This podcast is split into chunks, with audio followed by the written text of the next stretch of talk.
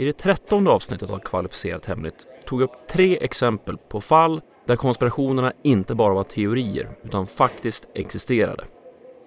Och i det avsnittet pratade jag om grisbuxinvasionen, Watergate-skandalen och alla turerna kring den italienska frimurarlogen Propaganda Due. Och nu är det dags igen.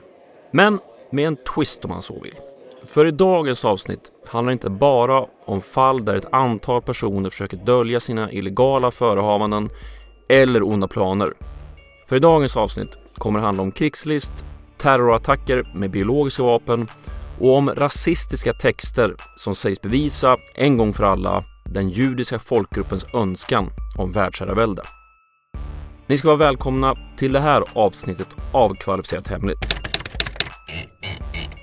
Denna gång om operation Sion Vises protokoll och terrorattacken med biologiska stridsmedel 1984 i Oregon.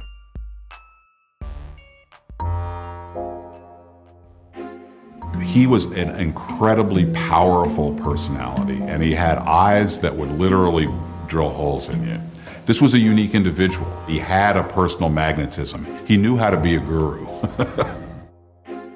This is the man who created the man who never was. You wave an airy hand and say, George, go and get a body, as though there was nothing to it. Well, you try. Nonsense. There are hospitals, nursing homes, mortuaries. I've tried them, not a hope.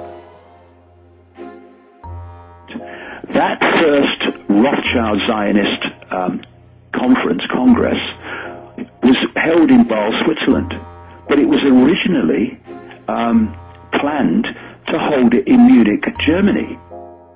Is anyone in mortal danger out here at the coming in? Well, considering the number of threats that we receive over the phone and in the mail and in person every day, yes, I would say we are.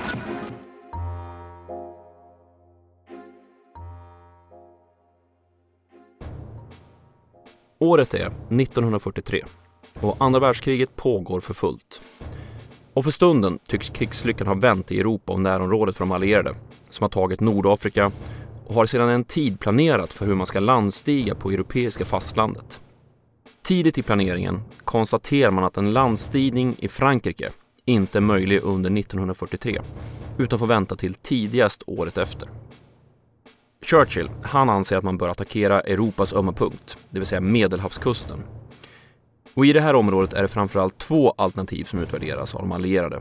Sicilien eller Grekland tillsammans med Balkanområdet. Om de allierade skulle invadera Sicilien skulle Medelhavet ligga öppet för både trupptransporter och flyget samt öppna upp en front mot Nazityskland genom en invasion av fastlandet i Italien.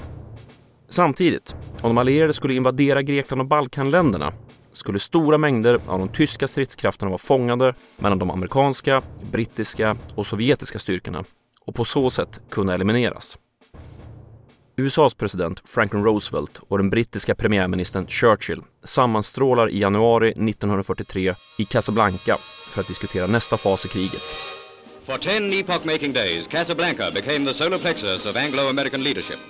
The Antler Hotel was the meeting place when Premier Churchill and President Roosevelt, accompanied by the chiefs of staff of the two countries, laid plans for this year's offensive. Och det är på den här konferensen man kommer fram till att Sicilien är nästa steg för de allierade. Churchill, han uttrycker till och med som att man måste vara en jäkla idiot för att inte inse att det är Sicilien som gäller. De allierade vet också att Hitler är ytterst bekymrad över Balkanländerna och de råvaror som finns i området. Och de här två kombinationerna, den uppenbara lösningen att landstiga på Sicilien samt Hitlers fixering vid Balkan, ligger till grund för beslutet som i sin tur mynnar ut i det som kom att kallas för Operation Mincemeat. Syftet? Invasionen av Sicilien ska döljas till varje pris och tyskarna, de ska luras att tro att de allierade istället fokuserar på östra delen av Medelhavet, Balkan och Grekland. Det är nu som James Bond kommer in i bilden. Ja, rättare sagt James Bonds pappa, författaren Ian Fleming. Vid den här tiden jobbar han som assistent till chefen för flottans underrättelsetjänst, konteramiral John Godfrey. Godfrey har strax efter andra världskrigets utbrott skickat ut ett PM som kallas för The Trout Memo, alltså Forell-PMet. Och skälet till det lite lustiga namnet var för att genom dokumentet så drogs liknelsen mellan att lura fienden och att flugfiska efter foreller. Även om Godfreys namn stod på dokumentet hävdas det i efterhand att texten och idéerna bar Flemings tydliga stil. I PMet återfinns det som sagt ett antal förslag på hur fienden kan luras och under punkt 28 återfinns rubriken Ett förslag, ett inte så trevligt sådant. Ett lik, klädd som en flygare med dokumentation i sina fickor, kan släppas in till kusten. Underförstått att dennes fallskärm ej fungerat. Som jag förstått det är det inte några svårigheter att få tag på lik från marinens sjukhus, men naturligtvis så måste liket vara färskt. På hösten 1942 tar den brittiska underrättelseofficeren Charles Chumley fram ett förslag som starkt påminner om förslag 28 från Forell-PMet. Han kallar det föga fantasifullt för trojanska hästen. Chumley är tillfälligt utlånad från flygvapnet till MI5, alltså brittiska säkerhetsunderrättelsetjänsten, och jobbar i en aktionsgrupp som ansvarar för att identifiera och hantera de dubbelagenter som britterna lyckats omvända mot Nazityskland. Och även om idén inte är dum i sig faller den inte hans överordnade helt i smaken. Men man tycker ändå att det är tillräckligt intressant för att Chumley får fortsätta arbetet, nu tillsammans med en underrättelseofficer från flottan, Ewan Montague, för att ta fram en hållbar operation för att dölja landstigningen på Sicilien. Montague och Chumley påbörjar arbetet med att förfina planen. I eh, samtal med patologen Sir Bernard Spilsbury får männen förklarat för sig att den kropp de söker inte behöver ha dött av drunkning. Flygare som hittas döda efter flygkrascher till havs dör ofta av chocken vid anslaget och inte av drunkning. Dessutom förklarade Sir Spilsbury att man i katolska länder är förhållandevis obenägen att utföra obduktioner i fall där dödsorsaken redan är troligt fastställd. Det här innebar att vilka döda kroppar som skulle kunna användas hade breddats rejält. Men det innebar inte att man bara kunde valsa in på ett lokalt bårhus och hämta ut en kropp. Det behövdes vara en person inom ett visst åldersspann men utan några släktingar som ska hämta ut kroppen. Montague får en rättsläkare i London att hålla utkik efter, så att säga, det perfekta liket. Och 28 januari 1943 får männen meddelande om att en död man lämnas in på bårhuset utan att några kända släktingar begärt ut den avlidne mannen. Den lokala rättsläkaren säger åt Montague att han kan behålla kroppen i kylrummet men att de bara har tre månader på sig innan kroppen blivit för förstörd för att användas. De båda underrättelseofficerarna har nu en praktisk plan som de lämnade in för godkännande den 4 februari 1943. Planen fick namnet Operation Mincemeat och den gick nu ut på att plantera ett antal dokument på den döda kroppen som klätts upp till officerare och sen lämna kroppen i havet utanför Spaniens kust. Spanien var förvisso neutralt i kriget, men de allierade visste att det fanns ett informellt samarbete mellan den spanska militären och den tyska underrättelsetjänsten Abwehr. Britterna resonerar som så att det var högst troligt att den falska informationen som planteras på kroppen skulle förmedlas vidare. Montague och Chumley får order från högre ort om att fortsätta arbetet samtidigt som planen färdas uppåt i de allierades hierarki för slutgiltigt formellt beslut att sätta igång operationen. Men vem var den döde som kom att spela huvudrollen i Operation Mincemeat då? Montague vägrade under sin levnad att avslöja identiteten utan konstaterade att den döde var en dagdrivare vars bidrag till samhället, krasst uttryckt, kom först efter dennes död. Först 1996 lyckas en amatörhistoriker via myndigheternas källor fastställa att den döde var uteliggaren Glynwer Michael, 34 år gammal. För att tjäna sitt syfte skulle Michael komma att göras om till den effektive kaptenen William Martin inom den brittiska flottan. Gruppen bakom operationen börjar allt eftersom bygga upp kapten Martins liv. Bild på och brev från fästmön, ett kvitto på en förlovningsring, bankpapper samt naturligtvis ID-handlingar som egentligen var en bild på en MI5-officer som var tillräckligt lik Michael. Dessutom behövde man övriga vardagliga ting och detaljnivån var sådan att de här små sakerna i Martins ägo skulle påvisa att han strax innan sin fiktiva död hade varit i London för att gå på teater, sovit på hotell och tagit tunnelbanan. Allt synades noga för att göra hans bakgrund så trovärdig som möjligt. Men det här var ju bara detaljer för att göra Michael, eller kapten Martin, trovärdig. Så att man skulle kunna sälja in operationens verkliga syfte. Att lura den tyska underrättelsetjänsten och militären. Montague tog fram tre kriterier för de dokument som skulle åstadkomma det här. De behövde nämna fiktiva landstigningar i Grekland och på Balkan. De skulle omnämna Sicilien som den falska landstigningsplatsen samt att breven skulle vara personliga brev då diplomatrapporter och liknande dokumentation inte skulle skickas på det här sättet.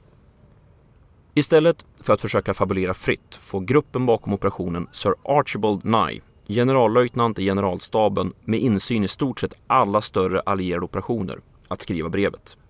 Texten i brevet är precis så lagom tillbakalutad, men med alla pikanta detaljer som Montague efterfrågade.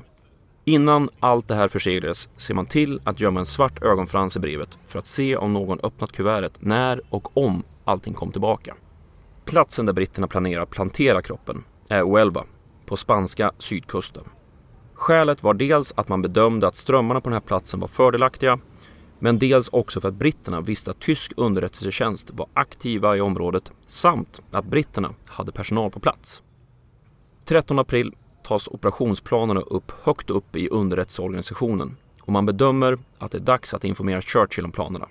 Och det är svårt att säga om det är för att odla myten, men enligt vissa ska premiärministern yttrat när frågan fördes på tal vad man skulle göra om man misslyckades med uppsåtet. Nå, då får man väl åka tillbaka, hämta upp kroppen och ge den en till simtur. Churchill, han godkänner planerna och nu är man redo att skrida till verket.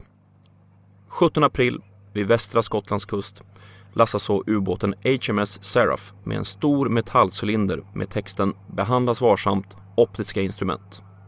Inuti cylindern återfinns den döde Glyndwr Michael, numera i den totala skepnaden av kapten Martin, komplett med falskt ID, kärleksbrev och militär kommunikation.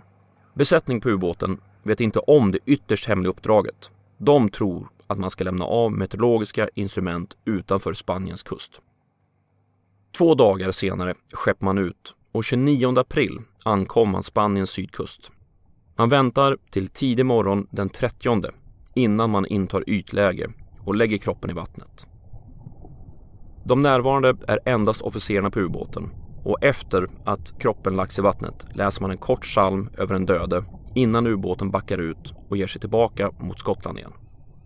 På tidig förmiddag den 30 hittas kapten Martins kropp av lokala fiskare och tas med in till hamnen för vidare transport till militären.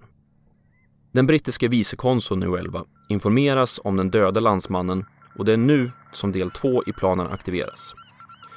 Ett antal väl förberedda telegram komplett med farhågor om vad som sker om tyskarna skulle hitta korrespondensen som den döde kaptenen bär på skickas mellan vicekonsuln och hans överordnade.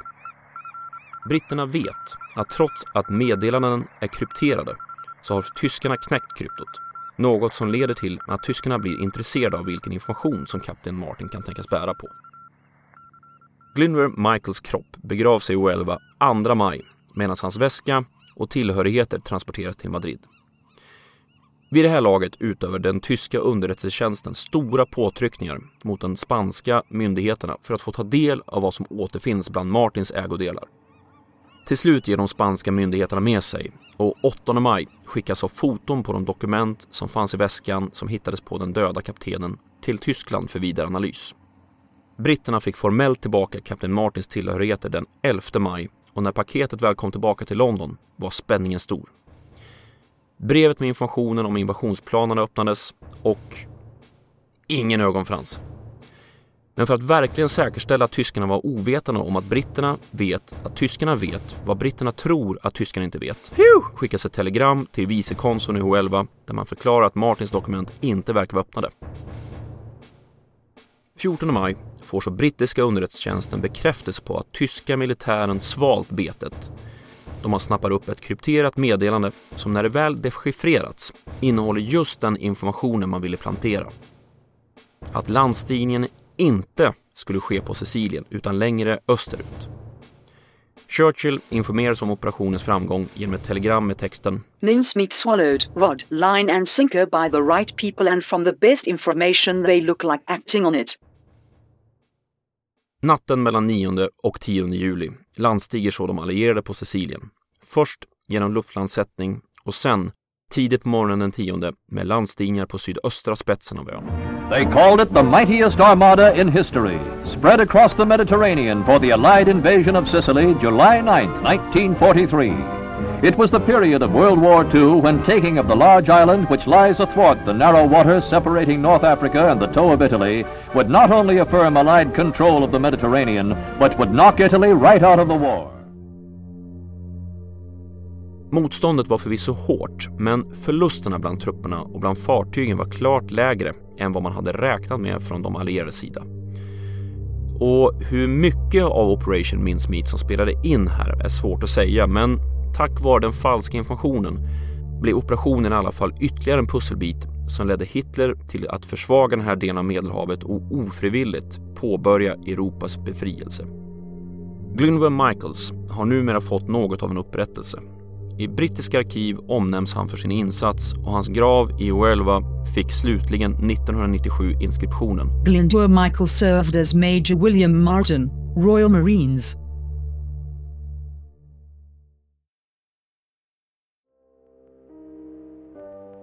Året är 1903 och vi ska ta oss till staden Kishinev. Idag är det Moldaviens största stad, men vid den här tiden är det en del av det ryska imperiet. I den här staden jobbar journalisten Pavel Krushevan för Besarabets, en av stadens mer populära tidningar. I tidningen publiceras det till och från artiklar signerade Krushevan med rubriker som “Död åt judarna” och “Korståg mot den förhatliga rasen”. Krushevan, ja, han är inte bara antisemit utan också ultranationalist och befann sig ute på den absoluta fascistiska högerkanten. Och när en kristen ukrainsk pojke hittas död i en stad en bit ifrån Kishinev i april äggar Khrushchevan på sina läsare med antisemitiska föreställningar om att de lokala judarna skulle varit ute efter pojkens blod till sina religiösa ceremonier. Hjälpt av andra inom media som för fram samma idéer samt den lokala rysk-ortodoxa biskopen kokar hatet och föraktet över. Efter gudstjänsten på söndag 19 april 1903 attackeras de judiska familjerna och hemmen i Kishinev och under två dagar kommer nästan 50 personer att få sätta livet till samtidigt som 700 hus bränns ner. Först på den tredje dagen sätts polis in för att sätta stopp för våldet i staden. Händelserna i staden uppmärksammas långt utanför Rysslands gränser. New York Times, till exempel, skriver så här om pogromen. There was a well laid out plan for the general massacre of Jews on the day following the Russian Easter. The mob was led by priests, and the general cry, kill the Jews, was taken up all over the city. The Jews were taken wholly unaware and were slaughtered like sheep. Rysslands ambassadör i USA intervjuas en månad senare om pogromen.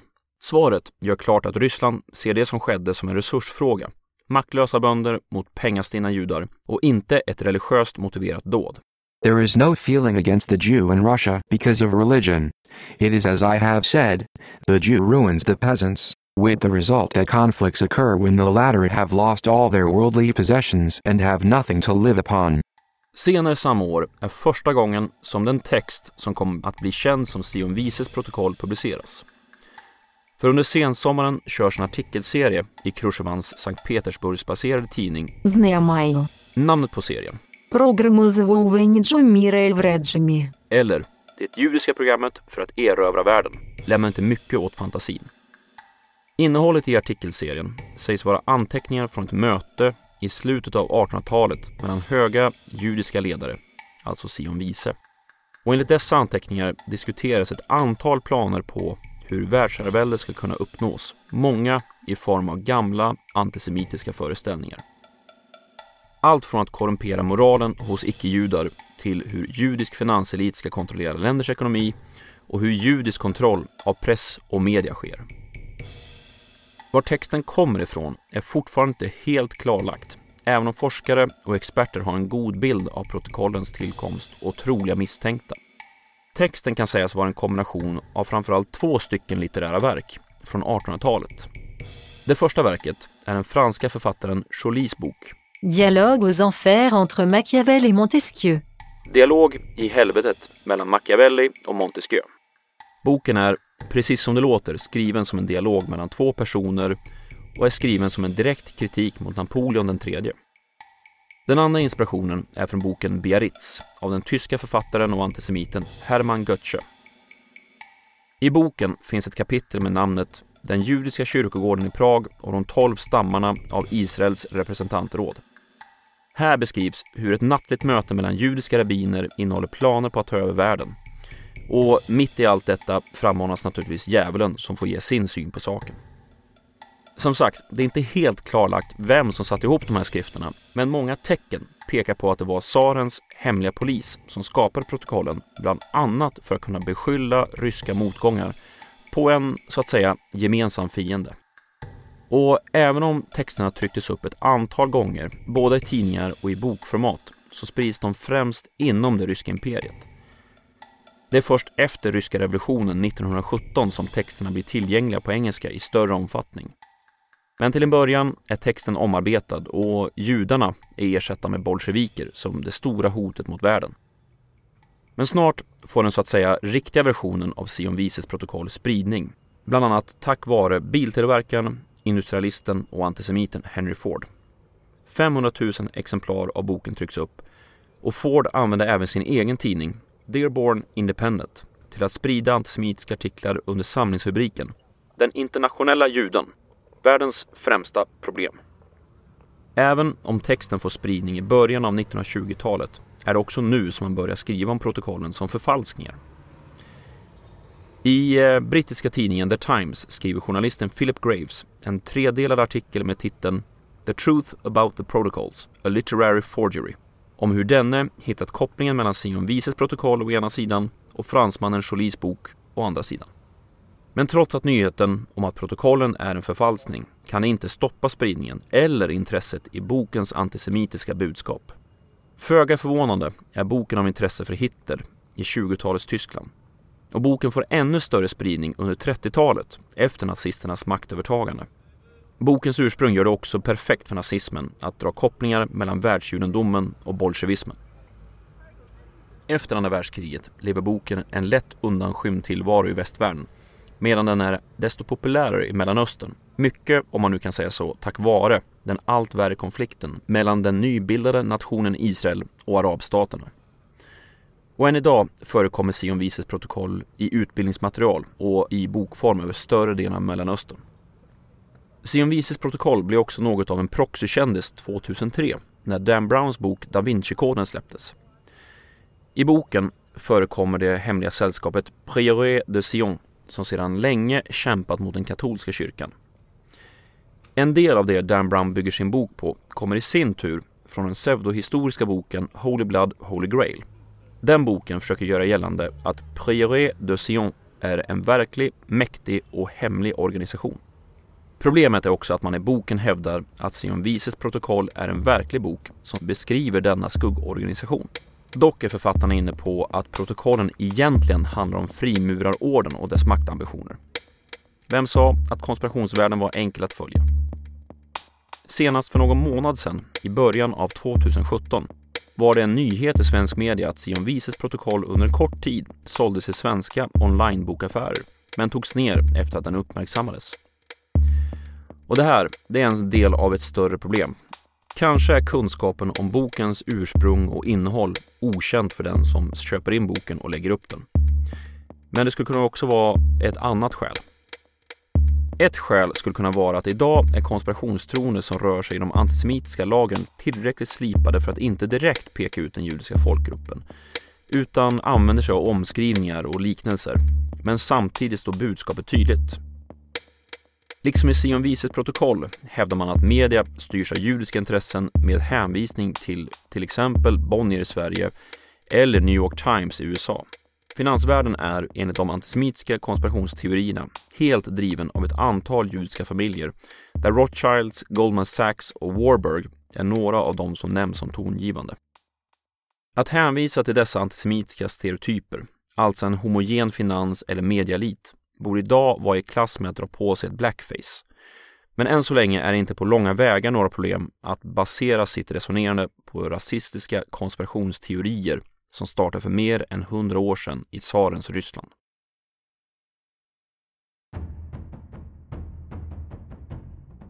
Hösten 1984 i nordligaste Oregon ett stort utbrott av misstänkt matförgiftning i staden The Dalles väcker ingen större uppmärksamhet utan utreds på vanligt sätt av myndigheterna som slår fast att det är salmonella som ställt till det. Drygt 750 människor drabbas och ett 40-tal blir inlagda på sjukhus. Men det är något som inte stämmer. Trots att man från myndigheternas håll slagit fast att det troligen var kontaminering från restauranganställda som spred smittan. Det finns de som hävdar att smittan spritts medvetet och de skyldiga skulle vara ett stort religiöst kollektiv som äger en mark en bit ifrån The Dalles.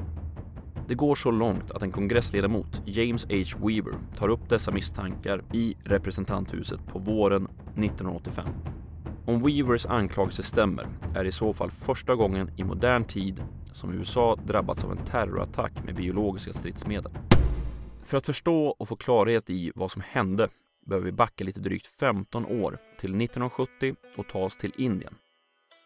Vid den här tiden är det inte bara länderna i Asien som intresserar sig för buddhism och strömningar som idag kan klassas som new age. Även västvärlden bör intressera sig för den här typen av läror.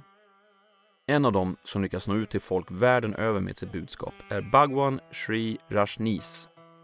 Han företräder en religiös åskådning som han menar inte är religiös, i alla fall inte i ordets rätta bemärkelse. Hans inställning är att livet är till för att levas, att man bör anamma vetenskap och kapitalism samt att sex inte är något skamligt utan något som bör uppmuntras. Det här sistnämnda tankesättet gör att han får smeknamnet sexgurun av indisk press och lite senare världspressen.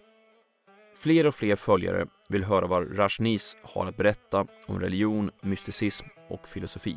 Vilket föranleder en flytt till Mumbai 1970 där han börjar ta in lärjungar. De får ta ett nytt namn och klä sig i traditionella asketiska kläder samt bära en bild av Rajneesh i ett halsband. Men livsstilen för lärjungarna var inte särskilt asketisk utan var inriktad på att fira livet och dess sinnliga njutningar. De skulle dessutom inte dyrka Rajneesh utan han skulle bara vara en katalysator.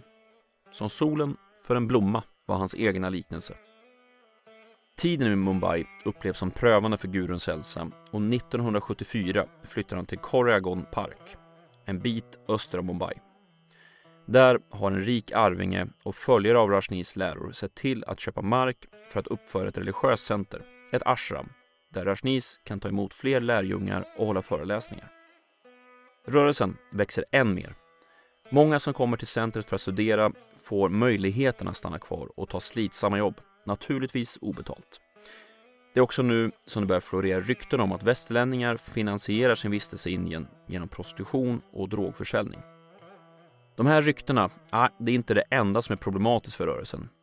Rajneesh har uttryckt stark kritik under längre tid mot både nationalklenoden Mahatma Gandhi och de organiserade religionerna i Indien. Och när indiska myndigheter så upptaxerar centret retroaktivt med flera miljoner dollar börjar rörelsen leta sig utanför Indien för en ny lösning. Guruns närmaste rådgivare och medhjälpare, Ma Anand Shila, ser till att planera en förflyttning till USA i början av 80-talet. Hennes make vid den här tiden, John Shelfer, köper The Big Muddy Ranch på 260 kvadratkilometer i norra Oregon och överför denna till rörelsens ägo. Här planerar man rörelsens stora center i USA men stöter snart på problem med amerikanska myndigheter och lagstiftning. I tell you, the country is so fucking bigoted, it deserves to be taken over. Rajnees planer på att etablera en mellanstor stad på ranchen rimmar inte med delstatslagarna som i stort sett bara tillåter att man bygger boende för personal som jobbar på bondgårdar och rancher. Vad som följer är både en maktkamp mellan rådgivaren Chila och myndigheterna men också en katt och råtta-lek med myndigheterna då man från rörelsens sida försöker dölja hur många som ska bo på området och syftet med byggnaderna. Det växande religiösa lägret, nu under namnet Rajneesh Puram, liknar allt mer en stad med riktigt avlopp, polis, brandkår och sjukvård. Den här sjukvården, som sköts av en kvinna vid namn Ma Anan Puja, rymmer bland annat ett laboratorium för att kunna göra undersökningar. Men här ska det visa sig att Puja fått order av Shila att förvara och ta fram gifter och sjukdomar för att kunna använda mot rörelsens fiender. Sommaren 1984 åker en grupp från lägret över till staden The Dalles, dryga 8 mil bort och påbörjar försök med att sprida en brun vätska som Pujat tagit fram, men som gruppen inte får reda på vad den innehåller. Man besöker tingsrätten och smörjer in dörrhandtag. Man tar sig in på ett politiskt möte och försöker smitta ner deltagarna. Sheila tar med sig några från gruppen och sprider ut vätskan i ett snabbköp innan man till slut drar sig tillbaka.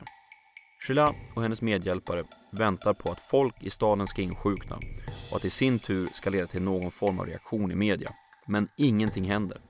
Planerna går vidare kring hur man ska kunna hantera sina fiender. Man får chansen att återigen testa möjligheten till förgiftning när Rajneesh Poram får besök av två kommissionärer från delstaten senare under sommaren. Männens bil får punktering under besöket och medan de väntar på att få det lagat bjuds de på några glas vatten av Pooja. Dagen efter har männen blivit ordentligt sjuka med diarré och kräkningar som symptom.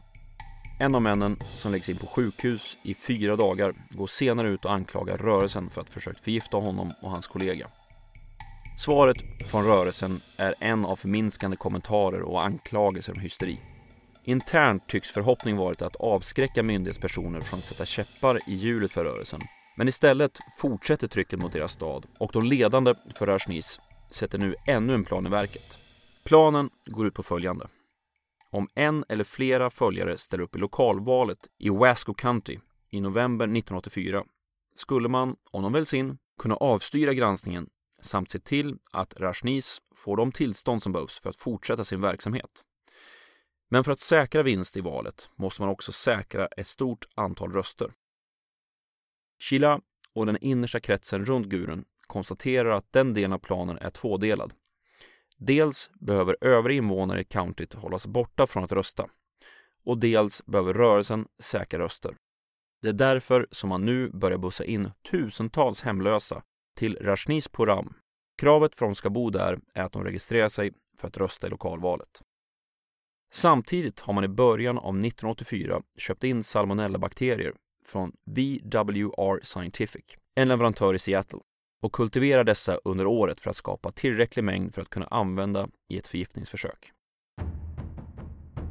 De här bakterierna, ja, de ingick dels i den bruna vätskan som spreds under sommaren och dels mot männen från delstatsmyndigheten. Till en början planerar gruppen att förgifta The Dolls dricksvattenkällor, men man lyckas inte lösa logistiken bakom det sabotaget. Istället, i september, sätter man planen i verket i det som senare kommer att klassas som första terrorattentatet med biologiska stridsmedel i USA. En liten grupp från Rajneesh tar med sig behållare med brun vätska och tar sig runt bland tio stycken lunchrestauranger i The Dolls där de sprider vätskan i restaurangernas salladsbarer. Och snart ökar antalet fall av påstådd matförgiftning i staden. Innan september är över har 751 personer insjuknat varav 45 behöver läggas in på sjukhus. Men som tur är avlider ingen av det som visar sig vara ett salmonellautbrott. Invånarna i The Dals misstänker att utbrottet har något att göra med Rajnis, även om det inte finns några konkreta bevis för det vid det här tillfället. Myndigheterna de drar slutsatsen att det istället handlar om en stor mängd matförgiftningar. Men oavsett myndigheternas bedömningar går befolkningen man ur huse för att rösta i lokalvalet. Dessutom har Valmyndigheten i Wasco anat att något var görningen med de många nyregistreringar av väljare, vilket gjorde att man satte in extra kontroller vid valet.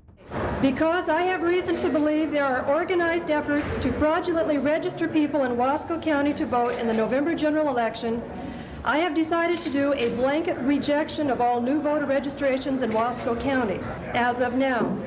The rejections will constitute automatic request for a hearing before a hearings officer. Rörelsens plan misslyckas.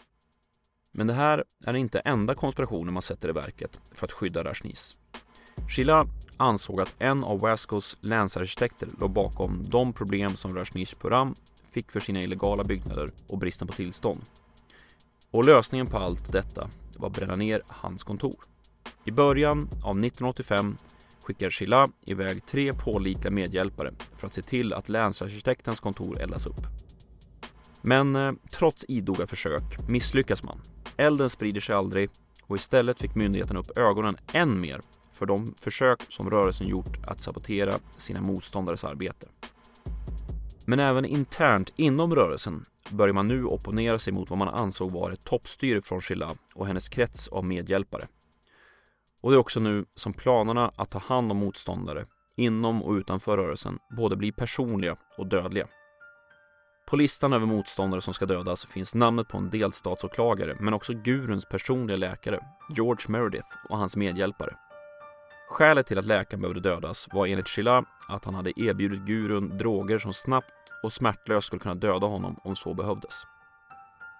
Det enda försöket att döda någon som genomfördes helt var mot Meredith, Guruns personliga läkare.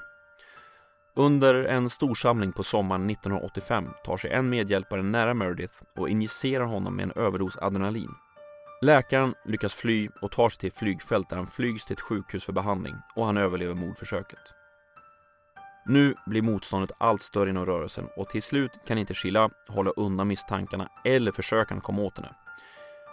Hon lämnar rörelsen och flyr landet i början av september och tar sig till Västtyskland tillsammans med Poja. Ma Anand Sheila, who had been his top assistant when we visited, was also arrested this week. West German officials are holding her for possible extradition to Oregon, where authorities say she tried to kill the Bhagwan's personal physician. Meanwhile, the Bhagwan says Sheila fled to Germany with $40 million of his money. Samtidigt bryter Gurun Rashnis den tystnad han upprätthållit medan Shila styrt verksamheten under flera år. Han anklagar henne och hennes medhjälpare för mordförsök och annan brottslig verksamhet. Och FBI och andra myndigheter bjuds nu in för att kunna genomföra grundliga undersökningar. They had created a small fascist state here. Now these people are absolutely criminals. Delstatsåklagaren bildar nu en styrka tillsammans med FBI, Migrationsmyndigheten och delstatspolisen som tillsammans ska utreda vad som skedde inne i Rajnispura. 4 oktober 1985 får 50 utredare tillgång till staden och väl på plats hittar man labbet där salmonellabakterierna odlades fram. När fynden analyseras av amerikanska smittskyddsmyndigheten konstaterar man att salmonellabakterierna är av samma typ som orsakade utbrottet i september året innan i The Dolls. Gurun Bhagwan Shri Rajneesh förhandlar med åklagaren och slipper några konkreta påföljder mot att han utvisas på fem år från USA samt betalar böter på 400 000 dollar. Sheila och Pura grips i oktober 1985 i Västtyskland och överlämnas till amerikanska rättsväsendet i februari 86. I den påföljande rättegången döms kvinnorna till långa fängelsestraff men släpps efter en förhållandevis kort tid genom bland annat överenskommelse med åklagaren. När det billiga dammet väl lagt sig är det många som ställer sig frågan hur mycket visste Bhagwan Sri Rajneesh om det som pågick? Var det han som godkände de olika planerna eller var allt Shilas påhitt? Faktum är att det aldrig gick att klarlägga om gurun hade beordrat attackerna eller om allt var planerat och iscensatt av Shila. Vad som däremot avslöjades i samband med FBIs undersökning av rörelsens stad var att en stor del av rummen på området var buggade. Dessutom var alla telefoner i staden avlyssnade, uppkopplade mot 36 röstaktiverade bandspelare. Avlyssningen av de utplacerade mikrofonerna gjordes på två ställen. Dels i ett kontor på området som var bemannat 15 timmar om dygnet och dels i ett hemligt rum i Shilas hus. Bhagwan Sri Rajneesh levde sina sista år under nytt namn, Osho, i Indien och dör där 1990. Men hans verk lever vidare och fortfarande idag kan man utbilda sig vid Osho International Meditation Resort. Sheila bor numera i Schweiz där hon tidigare drev två ålderdomshem.